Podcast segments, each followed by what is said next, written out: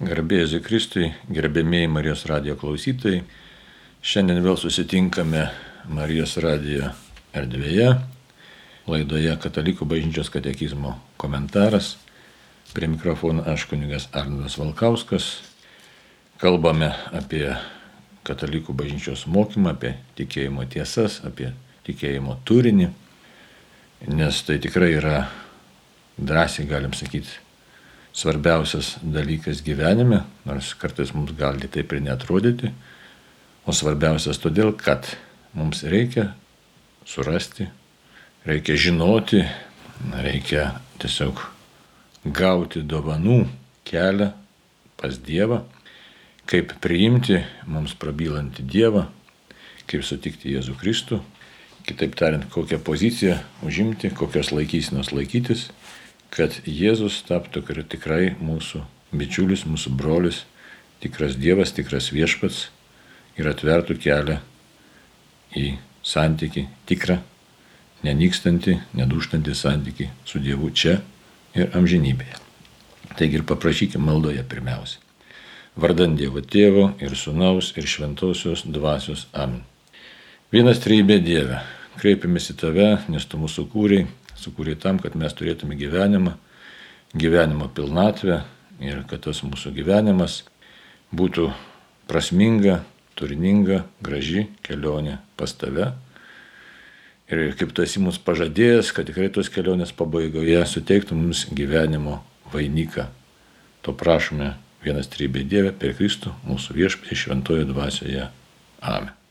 Taigi, kalbame šiandien toliau apie žmogaus turimas Dievo duotas jėgas, galės.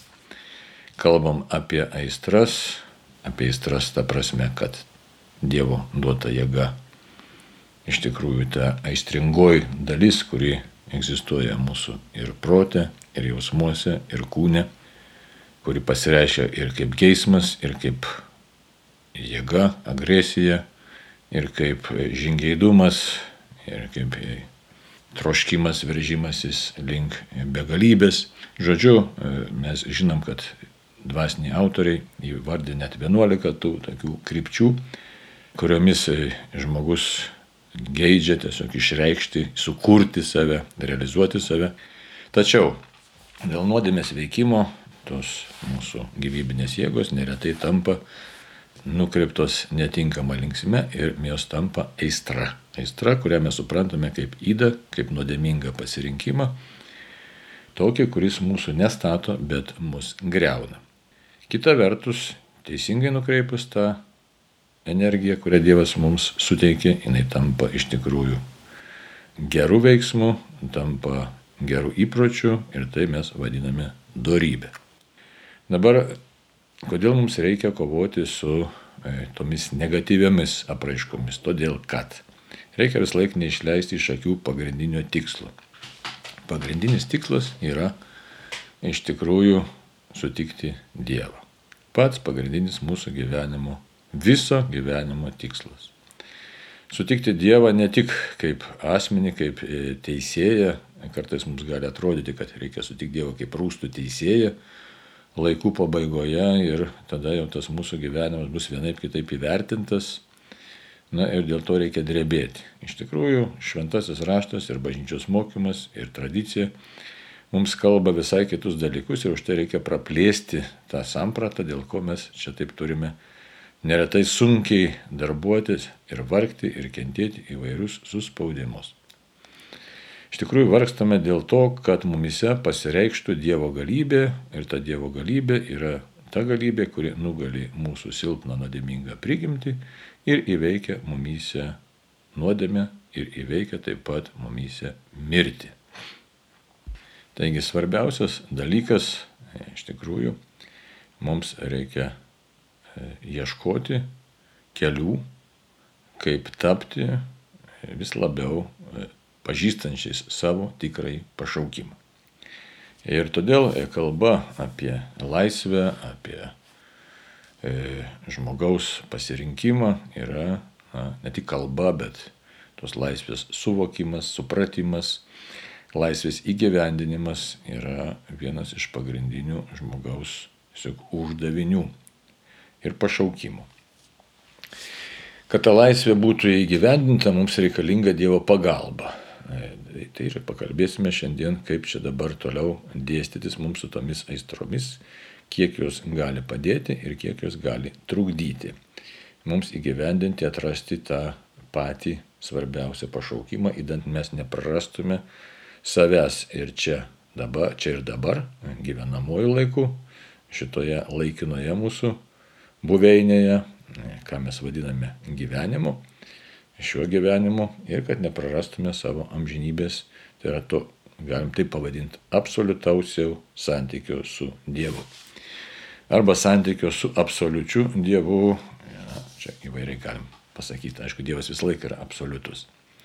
Taigi pasižiūrėkim dar kartą į katekizmą ir pasikartokim 1742 numerio tekstą, ten esančias mintis ir pabandykim jas panagrinėti. Tekstas yra toks - laisvė ir malonė vadinasi. Kristaus malonė jokių būdų neslopina mūsų laisvės, kai pastaroji atitinka Dievo į žmogaus širdį įdėktą tiesos ir gėrio suvokimą. Atvirkščiai, kaip rodo krikščioniškoji ypač maldos patirtis, kuo klusnesni esame malonės veikimui, tuo labiau didėja mūsų vidinė laisvė ir ištvermė tiek išmėginimų metu, tiek išorinio pasaulio prievartos bei priespaudos akivaizdoje. Malonės veikimų šventoji dvasia ugdo mumise dvasinę laisvę, kad padarytų mus laisvais jos veikimo bažnyčioje ir pasaulyje bendradarbiais. Visagalė galestingasis Dieve, teikis pašalinti kliūtis iš mūsų išganimo kelio, kad galėtume visas kūno ir sielos jėgas laisvai atiduoti tavo tarnybai. Čia interpas yra katekizmo tekste iš Romos mišiolo. Na ir pabandykim suprasti turinį viso to numerio, tiesiog tokią pačią e, pagrindinę mintį. Ta pagrindinė mintis yra tokia, kad štai malonė. Malonė neslopina laisvės. Kitaip tariant, žmogus yra laisvas ir įterpiamas toks dėmuo kaip malonė, ką tai reiškia. E, tai tuoj panagrinėsim. Tačiau, e, taigi, neslopina laisvės ir toliau viskas vyksmas vyksta. Ir krikščionis tampa, iš tikrųjų, tos laisvės neslopinant, bet jis pasidaro e, tiesiog dvasios veikimo bažnyčioje ir pasaulyje bendradarbis. Jeigu taip mes struktūriškai pasižiūrėtume, ką šitas numeris mums sako. Štai šventosios dvasios bendradarbis.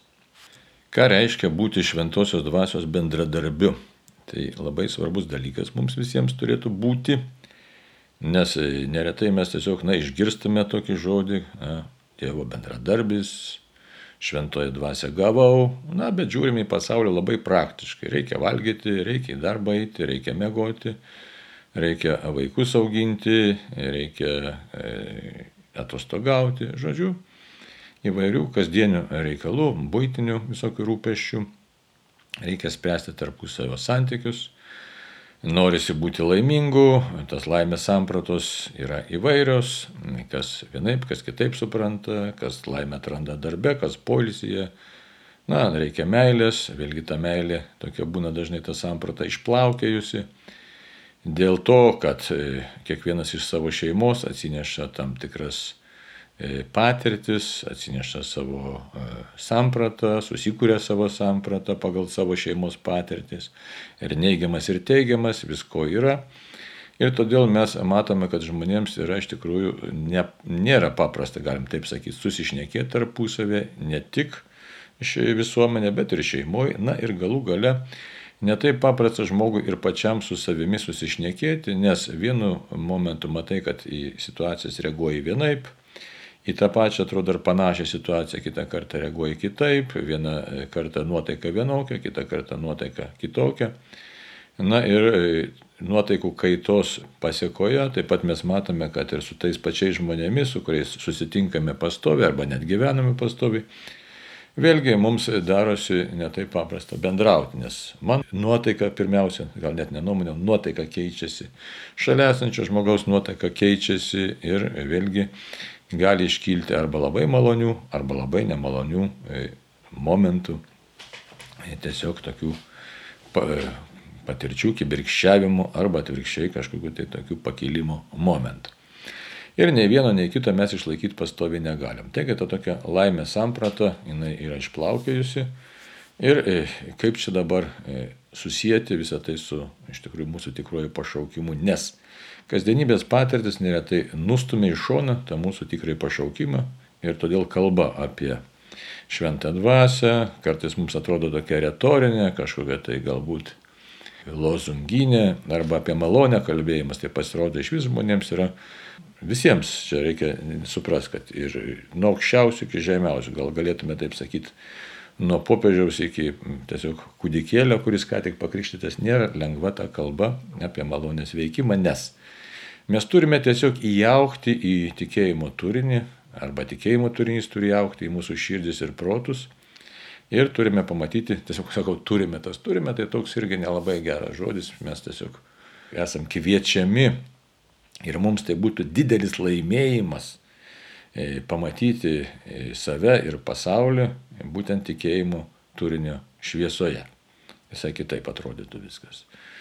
Ir tą savo kasdienybę ir savo rutininius darbus santykėje su Dievu. Tai dabar, reiškia, kas ta malonė? Malonė, jeigu taip griežtai žiūrėti, atsivertus enciklopediją, teologinį žodyną, tai yra dovana. Aišku, mes tiek apie charizmas kalbant yra dovana, bet malonė taip pat yra dovana. Ką mes gauname visiškai dovanai. Nes kalbant apie malonę, mes galim pagalvoti apie kažkokį tai ten e, na, pasigailėjimą, bet iš tikrųjų tai yra dovana. Tačiau, kalbant apie Dievo veikimą, apie Dievo malonę, tai yra per mažai pasakyti, kad tai yra dovana, nes neaišku, kokia tai dovana. Dovanas gali būti įvairios, dovanų metas, sakysim, kalėdos, ne, ar ten dar gimtadieniai kokia taip pat būna dovanų metas. Tai ne apie tokias dovanas kalbam. Mes kalbam iš tikrųjų e, tikėjimo, kai kalbam tikėjimo kalba e, ir teologija tą bando įvardinti, įžodinti, ką mums Jėzus paliko, ką jisai padavanojo, jisai ką pasakė, aš atsiųsim šventą dvasę, godėja, globėja, paraklitos, kurie viską primins ir visko jis išmokys ir, žodžiu, žinom, ir apaštalų darbuose kaip svarbu gauti šventąją dvasę. Dabar kas tai yra šventoji dvasia? Tai yra Dievo asmo, iš tikrųjų šventoji dvasia neveikia viena, veikia visas Dievas e, visoje trejybėje. Tai, kalbant apie malonę, e, reikia suprasti, kad tai Dievo veikimas į mus. Taip savotiškai gal skamba, nelabai lietuviškai, bet bandom pirmiausia suvokti, kad suvoktume, kas tai yra tas Dievo veikimas. Tai yra į mūsų, ne? arba Dievo veikimas mumyse irgi. E, dabar dar tai pasakius irgi per mažai. Aišku, yra toks terminas teologijai. Ir galvoju, galvoju teologai, kaip čia įvardinti, žodinti tą malonę, kas tai yra toji malonė, kaip čia pasakyti tiesiog, kad suprastume vis labiau ir labiau ir pradžiuktume, nes kodėl tai yra svarbu, tai yra labai svarbu, bet neužtenka pasakyti, kad štai pasakiau labai svarbu ir kas iš to. E, todėl, kad mums reikia atrasti savo tapatybę, savo orumą, savigarbą. Ir neretai, kai mes ieškome e, savo tapatybės ar savigarbos ir tai susijęs su mūsų aistromis, mes ieškom savo savęs į, į tiesiog į tokio įprasminimo. E, tai todėl, kad mūsų vidus tas veikia ir jisai, jeigu jis būna suklaidintas pasaulio pažinimo arba pažinimo šis proceso, kuris yra na, tiesiog ribotas, tai mes netrandame savęs tikrųjų ir mes tada e, tiesiog bandom tą e, savo tapatybę įvardinti, žodinti, bet nuslystame į savigailą, savimėlę, pirmiausia, agonizmą, ne savimėlę, savigalą, narcizizmą, reiškia tokius parazitinius pakraščius, e, kurie iškreipia mūsų tikrąją vertę ir neleidžia būti tokiam bendruomeniškam santykėje su kitais žmonėmis. Tai todėl čia labai viskas susiję. Kalba apie malonę, kalba apie Dievo veikimą į mus, kalba apie tikrąją laisvę ir kalba apie mūsų aistras ir bei mūsų prigimtį. O prigimtis iš ko mūsų tiksliau asmo, kaip pasireiškia, tai protas, valia ir jausmai. E, kurie e, susiję, tampriai susiję su mūsų, to tiksliau, na, integrali dalis yra ir per kuriuos pasireiškia mūsų vidus, tai yra pasireiškia mūsų gyvybinė energija ir jinai tampa arba e, žlugdančiamis įdomis, tai yra aistromis, arba tampa darybėmis. Tai todėl visas tas procesas, visa ta visuma yra, kiekvienas dėmo yra labai svarbus. Taigi, tai dabar kalbant apie malonę, tai nėra šiaip savo dovanėlė, bet tai yra savo, savęs paties Dievo dovanojimas. Kai kaip minėjau, pradėjau kalbėti, teologai galvojo, suko galvas, kaip čia įvardinti, kaip čia įžodinti, kas čia vyksta. E, ką čia dabar Dievas su mumis padaro. Ir ką padaro? Tai sukūrė tokį terminą, reiškia, galvoju, na, vokiškai vienaip skamba, itališkai kitaip šiek tiek, ar ten angliškai, bet toks, sakysime, tarptautinis sukūrė tokį terminą autokomunikacija. Lietuviškai čia nieko tokio nėra. Bet dabar kas čia yra autokomunikacija? Ne? To išversime į lietuvių kalbą, bet lietuviškai išvertė, aiškiai, vertėjai, kad savęs dovanojimas arba savidava.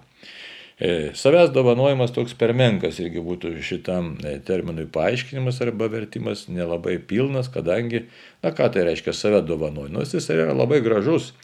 E, šiaip save dovanoja kada žmogus. Tai vyras ir žmona vienas kitam save dovanoja, pilnai atveria, kai jie susitokia ir tampa vyru ir žmona, moteris atveria save vyrui. Tai tada kas vyksta? Vyksta iš tikrųjų kūrybos procesas, vienas kitą pažįsta iki galo ir tada jau gimsta e, ne tik meilė, bet gimsta ir nauja gyvybė.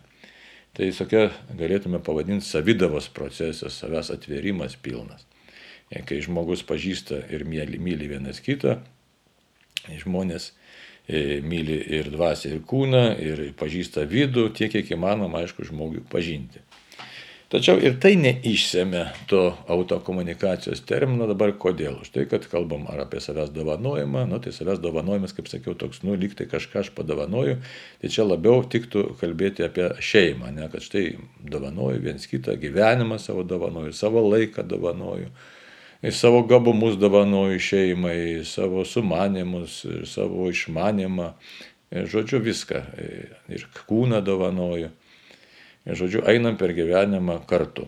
Nepaprastas dalykas. E, tačiau yra tam tikras ribotumas. Dabar koks tas ribotumas? Kad aš negaliu perkelti savo savybių e, šalia esančiam mylimam asmeniui, kiek aš jį bemylėčiau. Aš jam negaliu perteikti savo išmanimo, aš negaliu perteikti savo patirties, aš savo protavimo proceso negaliu perteikti. Galiu bandyti supažindinti, galiu e, bandyti kažkaip tai pasidalinti. Tačiau negaliu vis dėlto pilnai perteikti savo galių, nu, gal taip sakykime, ne, nes Vienas turi vienokį pažinimą, kitas kitokį, vienas vienokią gyvenimo patirtį, kitas kitokią. Tai šitų dalykų aš perteikti kitam ir padovanoti, kiek aš be norėčiau, negaliu. Ir vis laik tada žmogus lieka kažkiek tai izoliuotas, net ir labai mylėdamas, e, sakysim, vyras, žmona, žmona, vyra, vis tiek lieka e, individai, e, kurie, na, kiek jie be bandytų susilieti, net ir visą gyvenimą labiausiai įsimylėję vienas kitą, tačiau negali pilnai atverti savęs savo širdies. Tai va, tai štai tas savydavas toks, na, arba savęs dovanojimo, gal savydava irgi toks terminas įdomus yra. Procesas kaip ir atspindi liktai tą auk, Dievo savęs tą auk, autokomunikaciją, o kaip lietuviškai pasakius, savęs apreiškimą, ne toks, bet tas įdomus, ne toks yra savęs apreiškimas, ne tik apreiškimas, apreiškimas tik tai tada būtų, kai aš save tiesiog apreiškiu, kažką tai savo paslapti, na, pasakau, išduodu, e, atsiskleidžiu, tačiau tai vis dėlto lieka tik tai mano dalis, nors turi sužinai kažkokią informaciją apie mane. Tai šito yra per mažai ir e, štai Dievas realiai, kai kalbam apie malonę, apie malonę krikščionišką prasme, tai vyksta kitas dalykas. Dievas realiai tampa mūsų dalimi. Čia tiesiog, kaip tai pasakyti, na, Dievas suteikia savo galias žmogui. Dievas sudėvina žmogų.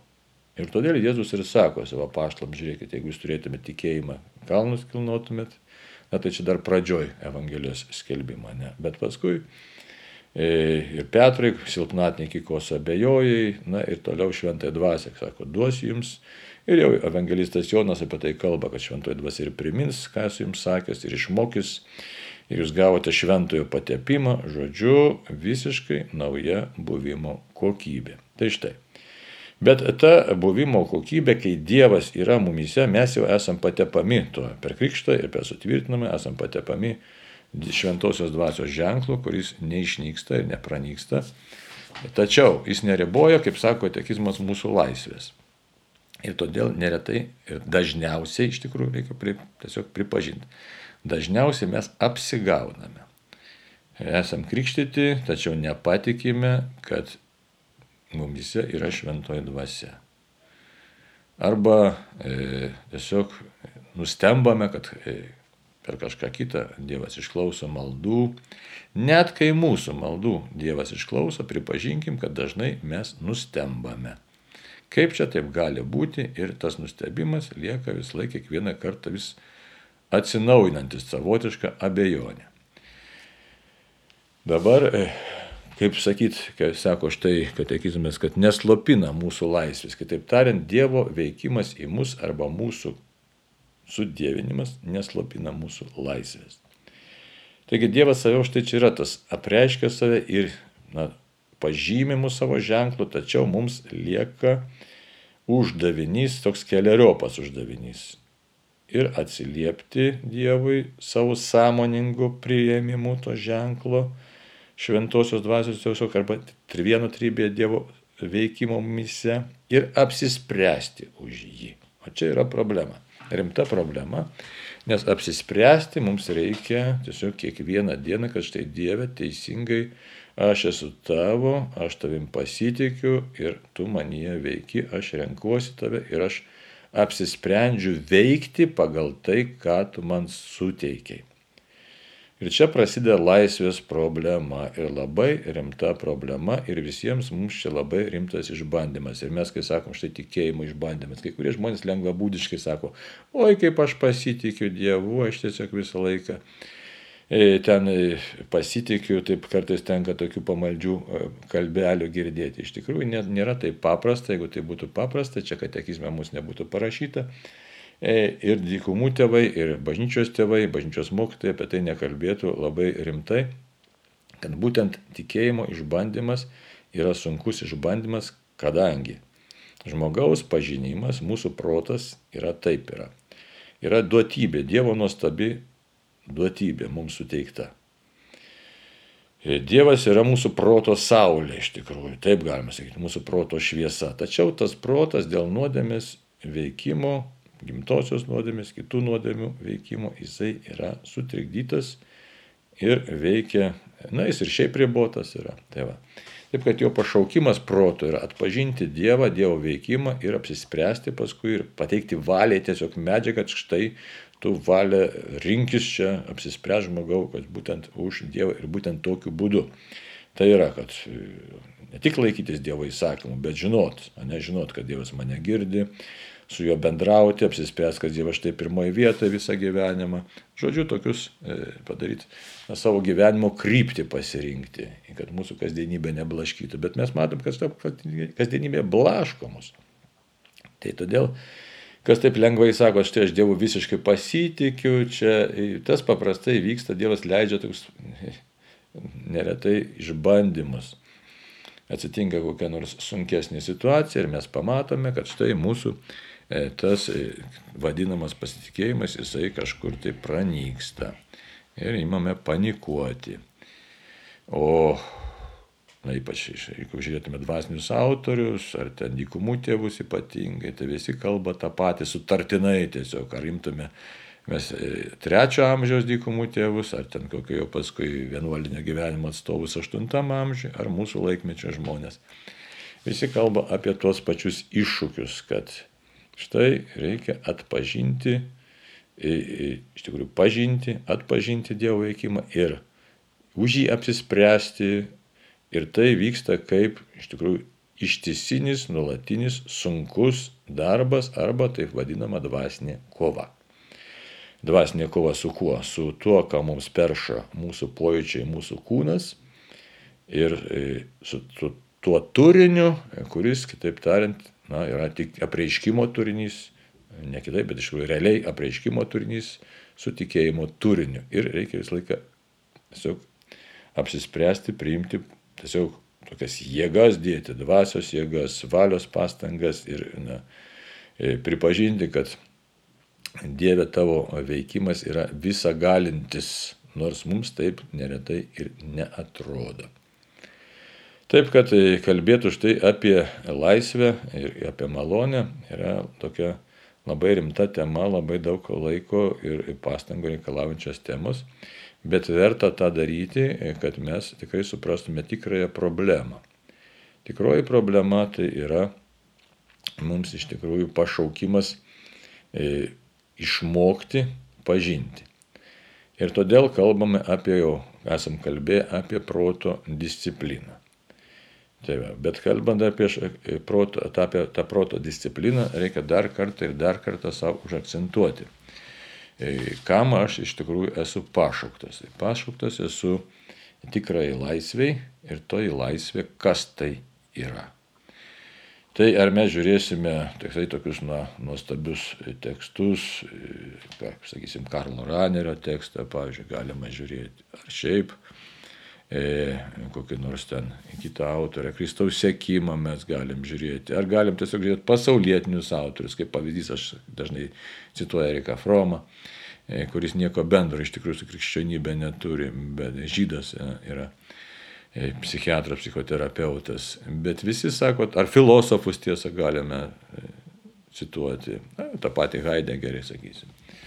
Bet visi kalba tą patį, kad laisvė nėra e, galimybė daryti, ką nori, bet laisvė yra galimybė rinktis ir apsispręsti už kažką tai, kaip man būti.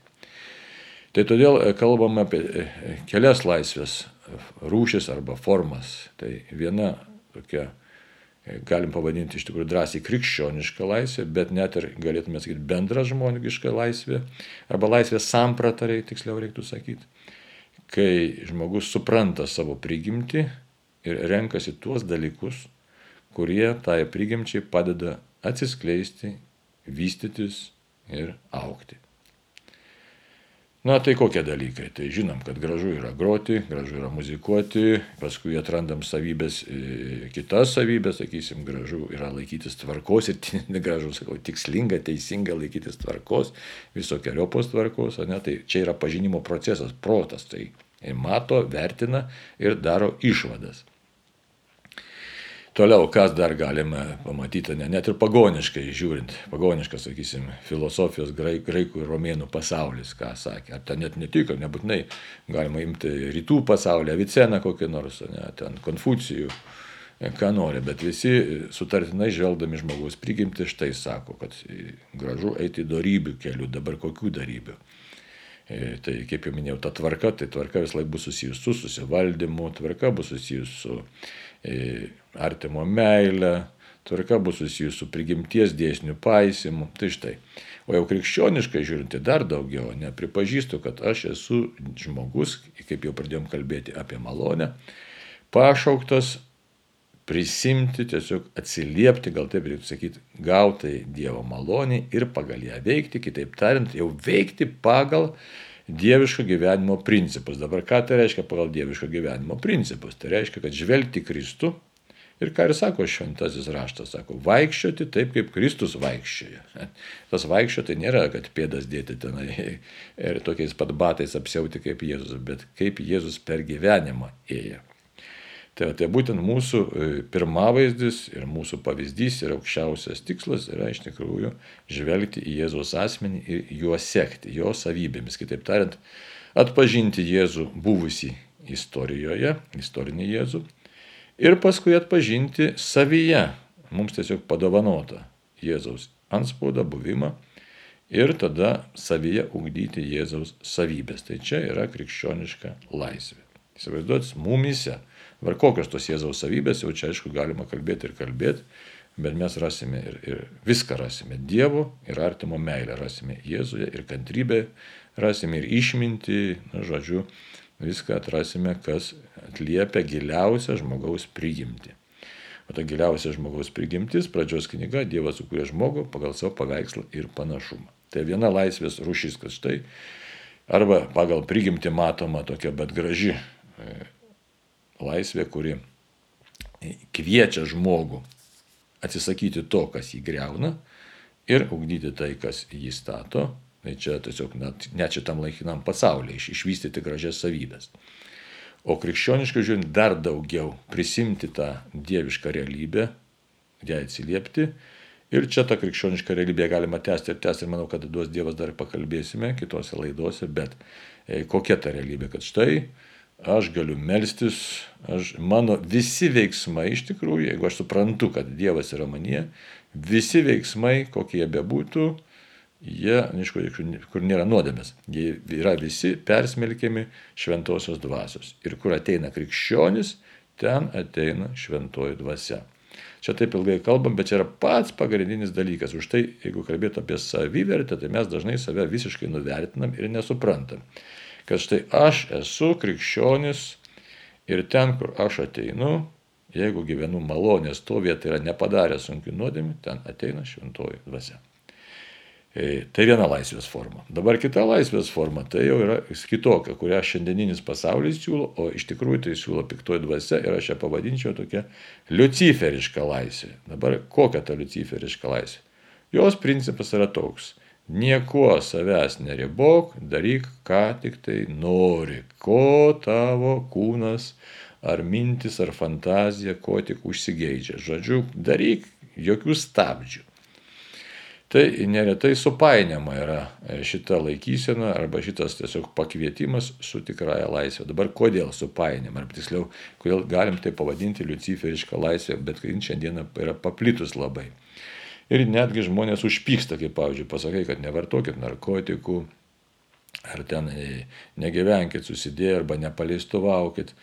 E, jie supyksta tuo metu, nes jų jūslės nori to malonumo, dirginimo nori. Bet nėra supratimo, sutrikęs pažinimas, kad žmogus nėra vien tik tai jūslės ir jūslių dirginimas ir nėra vien tik tai tas primityvus pasitenkinimo, malonumo pasaulis. Ir arba netgi galim ir kitaip pasakyti, nėra pasaulyje vien tik tai jūslinis malonumas, tai yra kūniškas kažkoks tai malonumas, bet yra ir kitokio, galėtume sakyti, malonumo, nes būti Dievo žmogumi, patirti Dievo artumą yra kur kas didesnis malonumas. Ir galėtume kalbėti, sakysim, apie ekstazę iš tikrųjų. Ir teologai labai gražiai kalba apie tą tikrą ekstazę, kuri šventosios dvasios veikimas mumise tai tikrai yra ekstazė.